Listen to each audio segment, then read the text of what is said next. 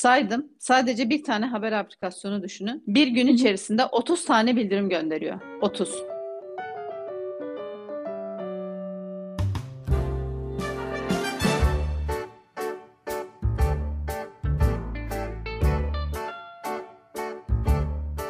...49W'nun podcast özel yayınından herkese yeniden selamlar.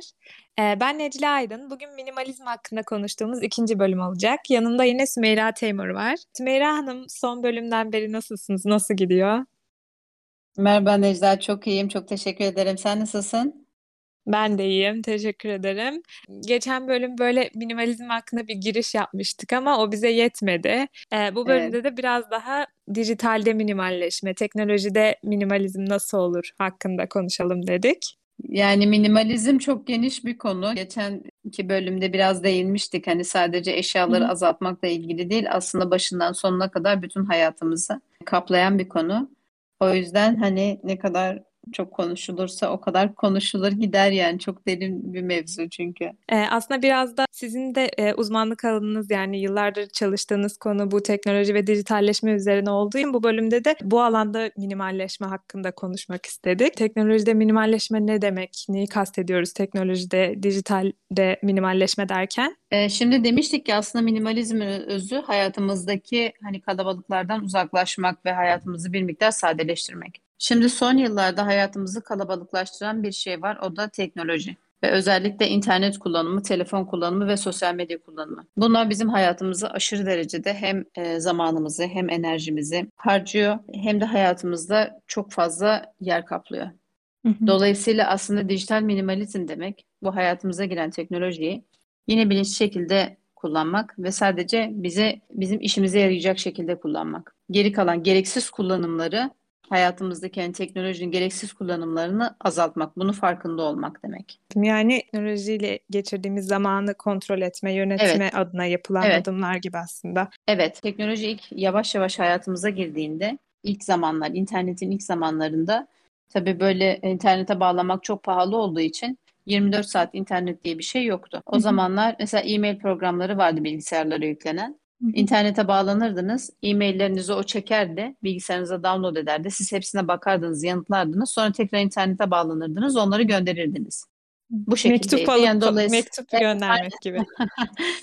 Şu anda biraz öyle gibi yani çok ilkel görünüyor ama o zaman Evet. çok bir şeydi. Neyse şimdi o zaman şöyle düşün. Mesela birisi size e-mail gönderdiği zaman anında e-maili alamıyorsunuz. Günde bir kere internete bağlanabiliyorsanız günde bir kere alıyorsunuz. Dolayısıyla böyle e, hani cep telefonlarına internet gelip işte 24 saat internete bağlı yaşamaya başladıktan sonra e-mailleri anında e-mailin gelmesi çok büyük bir lüks, lükstü o zaman. Hı Yani hı. çünkü düşünsene önceden hani günde sadece bir kere ya da akşamları e-maillerine bakabiliyorsun. Şimdi Evet. geldiği anda hemen.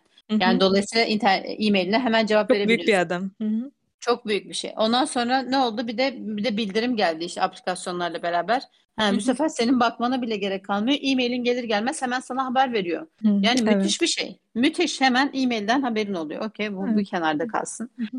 Haber alma uygulamalarını düşünelim. Neydi o zaman? Ee, hani gazeteleri geçtim zaten. Gazeteler çoktan beri şey.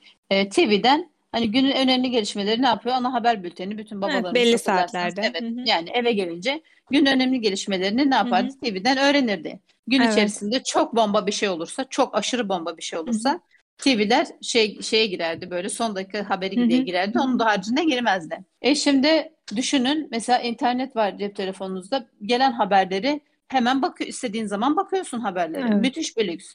Ondan sonra yine bunun aplikasyon versiyonları geldi. Bu sefer ha senin app'i açmana da gerek kalmıyor.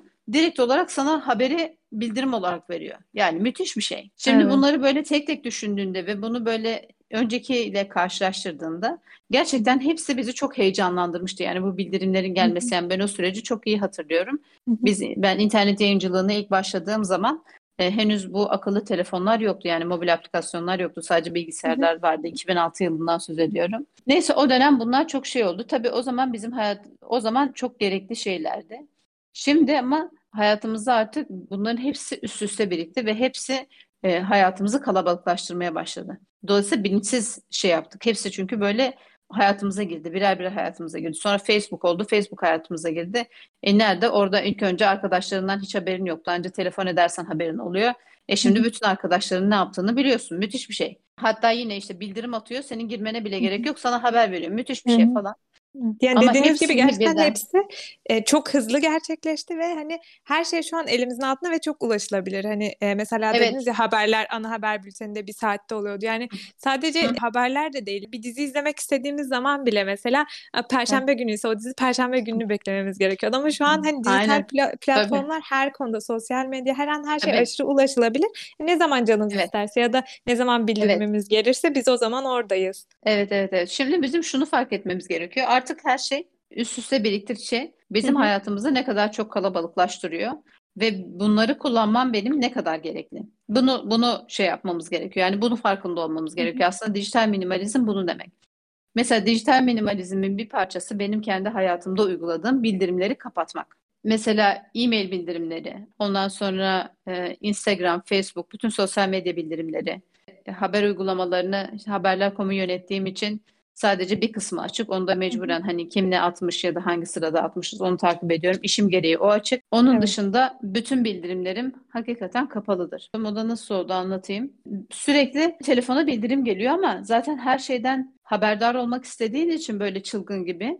Ona da e, FOMO diyorlar biliyorsunuz işte fear of missing something. Yani sanki bildirim kapalı olursa dünya Evet, şey değişecek bir anda kaçıracakmışız gibi. ve benim her şeyden haberim olmayacak ve ben Hı hı. her şeyi kaçıracağım. Böyle bir hissiyatımız Evet. oluyor artık. Çünkü her şeyi anında öğrenebildiğimiz Hı hı. için. Ondan sonra dedim ki acaba nasıl olacak falan. Çünkü şey yapmaya çalışıyorum. Mesela iş yerindeyim. Odaklanarak çalış çalışmak istiyorum. Hı hı. Ee, ama sürekli bildirim geliyor. Mesela bir e-mail geliyor onu açıyorum. Ya da Slack diye bir uygulama var şirket içinde hı. kullandığımız. Oradan biri bir şey yazıyor, bildirim geliyor, ona tıklıyorum falan. Bütün odağım bozuluyor. Sonra dedim ki yani Evet. ben, böyle çalışamıyorum net bir şekilde. Hani o e-maili açmasam bile, o bildirime hiç bakmasam bile telefonun titremesi, telefonun ışığının Hı yanması, bilgisayarın ekranında onu görmem bunlar bile benim dik- yani dikkat dağıtan şeyler. Evet, kesinlikle. Hı hı. Ondan sonra dedim ki bunları kapatacağım. E-mail bildirimleriyle başladım kapatmaya. hı. Yani bu minimalist yaşamaya başladıktan sonra yaptınız bunu değil mi? Evet, Öncesinde evet, evet, siz evet, de evet, evet, evet. bu dijital Evet, kalabalığın bir hepsi tabii. parçasıydınız yani. Aynen öyleydi, aynen öyleydi. Hepsi açıktı bende. En çok bildirim e, şey yapan uygulamalara mesela baktım. Tabii ki de sosyal medya uygulamaları, Facebook, Instagram, işte Twitter Evet. ve benzeri falan. E, tabii ki yani bir şey paylaştığın zaman buna etkileşim olsun istiyorsun. E, birisi yorum yazdığında hoşuna gidiyor. Bildirim almak e, hoşuna gidiyor Hı hı. Yine de dedim hani bunu kapatacağım çünkü çok fazla rahatsız ediyor. Onları kapattım. E, en son WhatsApp kalmıştı. Şimdi WhatsApp'ta yani bizim hani gerekli diyeyim diye insan bir organımız bir- yani. gibi bir şey Evet. Evet, bir organına dönüşmüş çünkü her şey WhatsApp'ta hani Evet. sanki şey gibi. Ama bir gün gözümü kararttım dedim WhatsApp'ı da kapatıyorum. Hı. Onu da kapattım. Herhalde diyordum şey yapamayacağım yani bir süre sonra açacağım bu şekilde yaşayamayacağım diye düşünüyordum ilk kapattığım zaman. Ama şu anda çok rahatım. Asla bir daha şey yapmam. Şu anda böyle daha az sayıda bildirim geldiği için bana böyle gereksiz bir bildirim geldiğinde hemen fark ediyorum. Mesela bazı uygulamaları açık bırakmış, unutmuş oluyorum falan. Onları hemen kapatıyorum. Ondan sonra yine haber app'lerini takip ediyordum. Bir tanesi sürekli bildirim gönderiyor böyle. Saydım. Sadece bir tane haber aplikasyonu düşünün. Bir gün içerisinde 30 tane bildirim gönderiyor. 30. Oo, gerçekten çok Düşün, fazla. ertesi gün 30. Yani düşün Hı hı. 30 kere bu ne demek? Ve o 30 30 kere haberden telefonun kaç tanesi yani bizi ilgilendiriyor tanesi ilgimizi çekiyor? kaç tanesi bomba haber öyle düşün. hı, evet. Yani bildirim şu demek. Aslında bildirimin mantığı şudur. Mesela ne olur? Çok önemli bir şey. Yanındakini dürtüp hı. söyleyecek söyleyeceğin kadar önemli bir şey mi? Evet, o zaman bildirim atarsın. Hayır, atmazsın. Evet. Bildirim böyle olması gerekir. Ama tabii ki bildirimler artık pazarlama amacıyla, promosyon Evet. amacıyla. İşte kullanıcılar daha fazla gelsin. Bir hı. kullanıcı işte şu kadar gelmedi. Her gün açmıyor aplikasyonumu, aplikasyonumu açsın hı. diye bildirim atayım falan. E, Uzun zamandır yoksun diye bile bildirim aynen gelebilir tabii tabii tabii yere. aynen. Aynen aynen aynen. Seni sürekli hani uygulamayı Evet. kullanmayı teşvik ediyor. Bu şekildedir. Hı hı. 30 tane. Sonra diyorum yani ya inanılmaz bir şey. Düşün yani saat başı 1 1.2 gibi bir şey oluyor bildirim hı. sayısı sadece bir tane haber app'inden. Hı hı. E düşün ben mesela 7-8 tane haber app'i kullanıyorum. Yani normal kullanıcı bunu şey yapmaz. Ben hani dediğim gibi bu sektörde olduğum için Evet tabii. kullanıyorum. Hadi bir tane haber app'i diyelim. Hı hı. Ondan sonra e-mailler. Şimdi günde kaç tane e-mail geliyor? Bana 30 tane geliyordur en aşağı. Evet. Sonra Instagram, Facebook, Twitter bunlardan ne kadar geliyor? Kullanımınıza bağlı olarak hadi yani toplamından minimum 30 tane geliyordur. Çok rahat.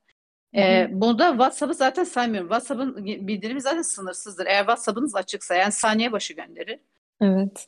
E düşün mesela yani uyuyorsun çat dakika başı bildirim geliyor. Çalışıyorsun hı hı. dakika başı telefonu seni dürtüyor. Yani ben bildirimi öyle anlıyorum. Birisi beni dürtüyor sürekli. Evet. Ya da çalışıyorum birisi beni dürtüyor. Yemek yiyeceğim birisi dürtüyor sürekli beni. Yani hayatımda her dakika biri beni dürtsün ister miyim? İstemem. Düşününce hani sanki kontrol bizdeymiş gibi hissediyoruz. Yani böyle aslında bildirimleri kapatmak çok irade gerektiren bir şey olmaması lazım. Zaten istediğimde girip bakarım gibi olması evet, lazım ama evet. gerçekten zor oluyor. Ben de mesela şunu fark etmiştim benim de çoğu bildirimim kapalıdır yani öyle alıştığım için. Hı hı. Hep kapalıdır bildirimlerim. Hatta iki tane mailim vardır. Birine çok önemli şeyleri sadece onda kullanırım. Bir tek onun bildirimleri açıktır. Bir tane de uygulama var yani siz e, biliyorsunuzdur Forest diye. Bu uygulamada evet, şey hani çalıştığınız sırada telefondan size bildirimler gelmesin ya da telefonu alıp başka uygulamalara falan girmeyin diye tasarlanmış bir şey. Hani oradan çıkınca evet. o ağacın kuruyor falan gibi bir şey. Evet, evet, Arkadaşlarım evet. bunu kullanıyordu. Diyorum ki ne saçma şey yani telefonu kullanmayacaksan sen kullanmam kenarda durur interneti kapat evet. falan diyordum. Sonra bir indirdim bu uygulamayı. Dedim ki yani ben gerçekten kendim kontrol edebiliyorum sanıyormuşum ama aslında edemiyormuşum. Değil mi?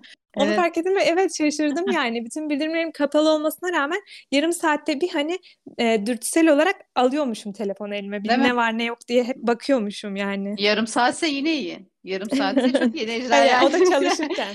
Burada 3-5 dakikalardan söz ediyoruz. Yani hani dakika başı telefonu almaktan söz ediyoruz.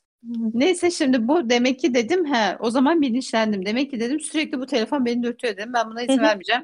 Hepsini kapattım. Şu anda hakikaten ve hiçbir şeyi de kaçırmıyorum. Hani en büyük korkumuz bir şeyi kaçıracağım ya. WhatsApp'ta evet. bir şey olacak kaçıracağım. Yok kaçırmıyorsun. İşte e-mailleri kaçıracağım. İşle ilgili çok önemli bir şey kaçıracağım. Yok.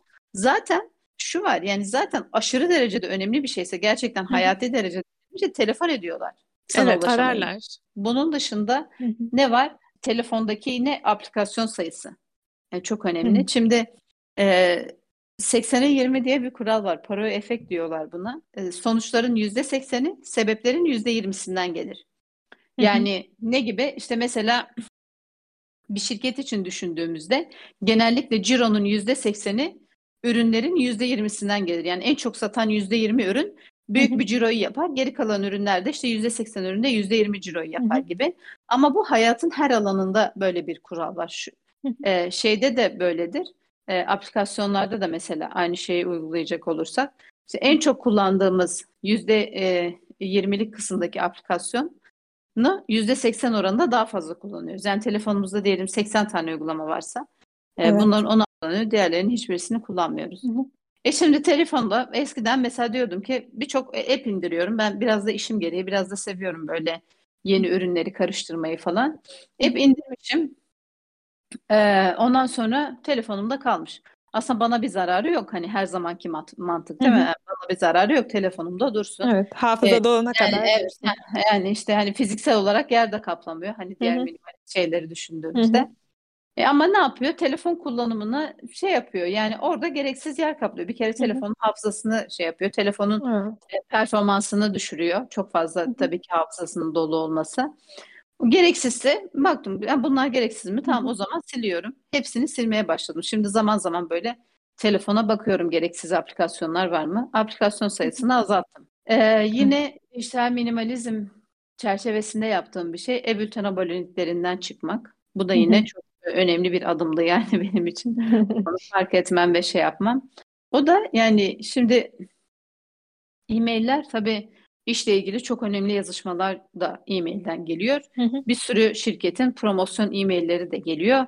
İşte bir sürü bizim kullandığımız tool'lardan uyarılar, işte yine sosyal medya uygulamalarından yine bildirimler de e-mail yoluyla evet. gelebiliyor. Yani hı hı. bir sürü çeşit şey var. Önemlisinden önemsizine kadar. Her yere veriyoruz ee, yani mailimizi. aynen, aynen, aynen, aynen. Ondan sonra e,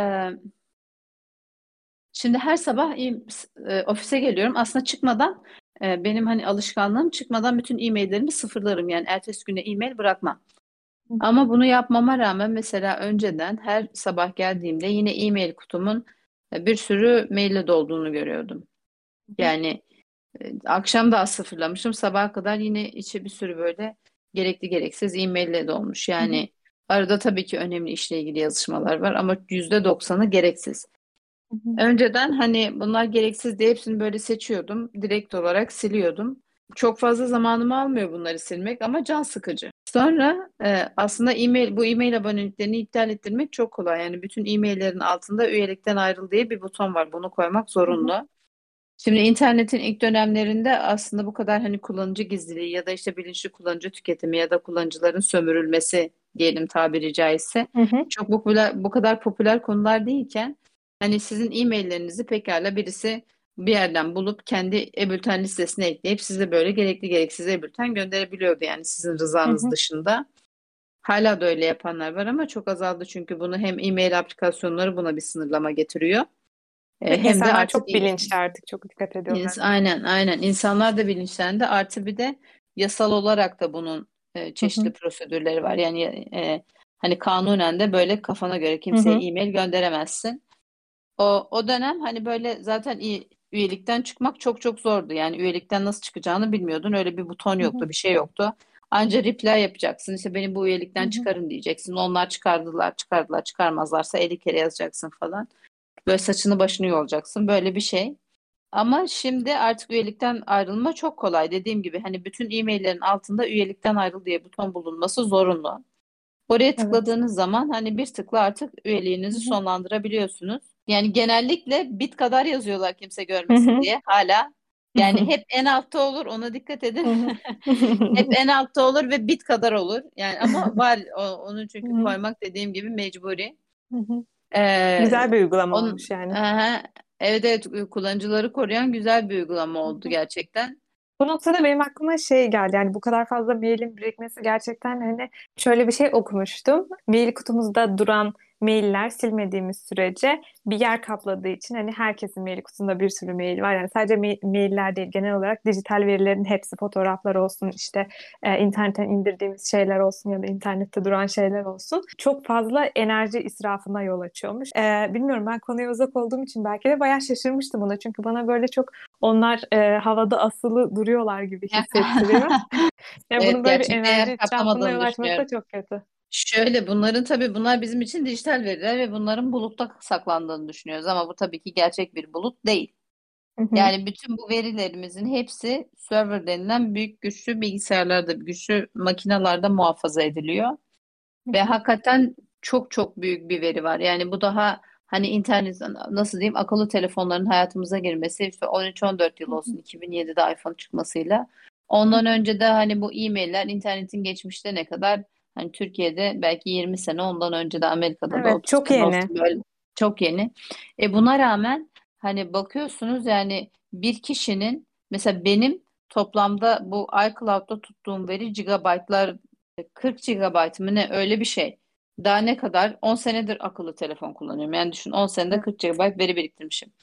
E benim gibi Ki milyarlarca o kadar olsa evet. Herkesin minimum o kadar olsa. Yani bu kadar veri gerçekten nerede biriktiriliyor? Hı hı. Şimdi bunları hak şey yapmak yani bunlar tabii ben iCloud'da diyelim Apple'ın serverlarında e, yedekliyorum. Bunun yedekleri orada. Onlar bunu nerede tutuyorlar? Böyle dediğim gibi hani server denilen cihazlar var. E, onların içerisinde tutuyorlar. Tabii 40 GB o cihazların kapasitesi için çok çok küçük yani hani bir toz tanesi hı hı. kadar bir şey ama hı. yani ben bir kişi birikince çok fazla oluyor tabii ki. Tabii yani 1 milyarın üzerinde internet kullanıcısı var Hı hı. dünya üzerinde. Onunla çarptığınız zaman çok büyük bir veri haline geliyor. Artı bir de bunlar sadece bizim kendi kişisel verilerimiz.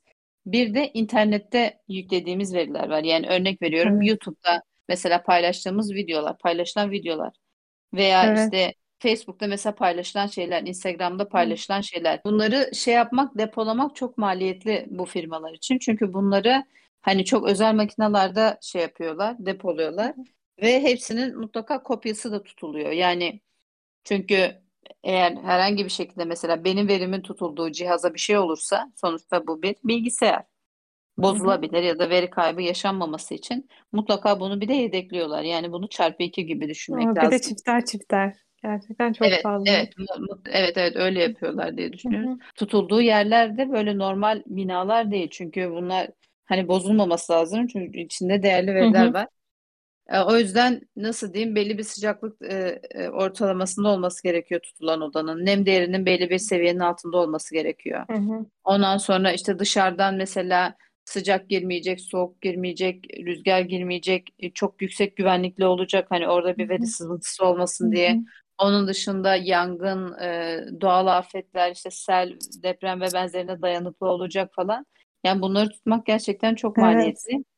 E, Gerçekten gel- çok sandıklarda ciddi. saklıyorlar gibi yani Evet, evet, evet öyle. Ee, gerçekten de çok ciddi ciddi, ciddi bir enerji israfına da sebep oluyor bunları depolamak, bunları saklamak. Benim böyle dijitalde minimalleşme deyince yani teknolojide minimalleşme deyince e, aklıma gelen başka bir konu da bu telefonların olsun ya da yeni çıkan e, aplikasyonların arayüzlerinin artık sadeleşmeye gidiyor olması. Yani kullanıcılar bunları mı tercih ediyor? Neden? Arayüz olarak hem böyle tasarım olarak daha sade içerikler görüyoruz hem de mesela en son Clubhouse diye bir uygulama çıkmıştı. Çok fazla da e, kullanıcısı oldu. Uygulamanın kendisi de çok basit yapılmıştı. Yani sadece bir odaya girip dinliyordun ya da işte konuşabiliyordun. Hani böyle çok fonksiyonel bir şey değildi. Kullanıcılar böyle daha sade şeyleri artık daha mı fazla tercih ediyorlar? Ee, şöyle aslında ben daha henüz minimalist e, yaşamaya başlamadan önce bu sadeliğin ne kadar önemli bir şey olduğunu e, web tasarımı yaparken öğrenmiştim. Çünkü o zamanlar ben tasarım ekibini yönetiyordum iş Hı yerinde. hı. Kullanıcı deneyimi ve kullanıcı arayüzü de- denilen iki tane ayağı var bu işin. Hı Kullanıcı hı. deneyimi aslında bu bütün basitleştirme işini yapan kısımdır. Yani kullanıcı ne istiyorsa hani onu yapalım gibi düşün. Hı hı. Ee, ve gereksiz her şeyi e, ortamdan uzaklaştıralım. Şimdi o zamanlar e, gerçi senin de dediğin gibi hani web siteleri çok karmaşıktı. Çünkü o zaman daha bu teknolojilerde bir miktar yeni olduğu için Hı mesela böyle havalı animasyonlar siteye girerken belki hatırlarsın siteye girerken işte müzikli girişler, Evet, evet. animasyonlu girişler, sayfalar arasında animasyonlu geçişler hı. falan. Bunlar Daha henüz yeni havalı teknolojiler olduğu için daha havalı gibi görünüyordu hı. ama halbuki fonksiyon olarak bir şey ifade etmiyor. hı.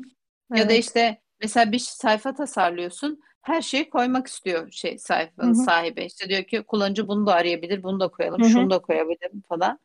Yani o zaman mesela bizim öğrendiğimiz şey bir sayfayı basitleştirmek, karmaşıklaştırmaktan çok daha kolay, Hı hı. zordur.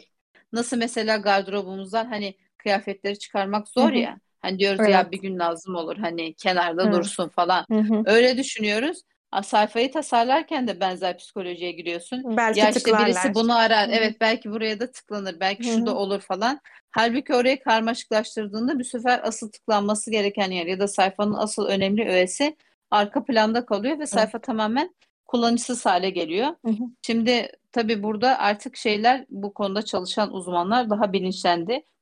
Hı Kullanıcılar da hı. bilinçlendi artık. Kimse öyle e, şeyli siteler istemiyor. Çünkü herkes hızlı bir şekilde ben amacıma ulaşayım hızlı bir şekilde yani o sayfaya niye girmişim? Haber okumaya mı girmişim? Mesaj yazmaya mı Hı hı. girmişim? Ne yapmaya girdiysem onu yapayım istiyor. Kimse orada Evet. etrafta Çok uçan koşan bir şeyler istemiyor. boğulmak istemiyordur. Evet. Evet, aynen aynen aynen öyle aynen öyle. O yüzden o kısım gerçekten çok e, güzel oldu. Her geçen günde ye- yeni şey yapıyorlar yani orayı geliştiriyorlar. İşte bu makine öğrenmesi de yine bu işi basitleştiren şeylerden bir Evet. tanesi. Apple da bunu çok fazla yapıyor zaten kendi Evet, cihazlarında da. tabii zaten Apple bu işin öncüsüdür. Hı hı. Apple yani daha herkesten önce herkes işte cihazları böyle kompleks hale getirmeye çalışırken Apple bunları basitleştiren işte Hı hı. Ne bileyim ö- ö- arayüzüne kadar e, hepsini basitleştiren ve olabildiğince hani biz bu öğeleri nasıl kaldırabiliriz, nasıl basitleştirebiliriz? O yüzden mesela ekranlardan ya da telefonlardan ilk tuş takımını kaldıran marka Apple'dır. Yani Evet. ilk komple e, dokunmatik ekrana geçen o mesela çok devrim hı. e, Geri niteliğinde bir tuşu mesela hiç yok. Evet evet aslında geri tuşuna ihtiyacın yok pekala çünkü Hı hı. ekranın her yeri tuş yani. Bir yerine Evet. geri tuşu koyabilirsin. Geri hı. tuşu için ayrıca bir alan ayırmana gerek yok. O güzel bir şey. Yani bu işte yani demek ki hani basitlik her yerde güzel. Hani nasıl mesela web sitesinde bir basit tasarım bize daha kolay ve kullanışlı geliyor. hı. Aslında kendi evimizde de öyle. Evini dolayısıyla daha basit ve Evet. daha böyle fonksiyonel döşersen evini kullanman daha kolay oluyor. Basitçe bu Evet. aslında minimalizmin özü budur. Evet, yani her konuda yani gerçekten bir telefonumuzu kullanırken bile gereksiz şeylerden uzaklaştırıp böyle Evet. Daha hafif yaşamak gibi aslında ben öyle anladım. Aynen. Aynen öyle. Aynen öyle. Hafif yaşamak. Tamamdır. O zaman benim soracaklarım bu kadardı Sümeyla Hanım. Size çok teşekkür ediyorum bize vaktinizi ayırdığınız için ve bu konuyla ilgili konuşmak da bence çok iyi oldu. Hem uzmanlık alanınız olduğu için e, çok şey öğrendim ben kendi adıma. Hı hı. E, teşekkür ediyorum. Ben teşekkür ederim beni konuk olarak aldığınız için. Bu sohbet benim için de çok keyifliydi. Umarım dinleyenler de faydalanmıştır. Herkese Would you care to stay till sunrise? It's completely your decision.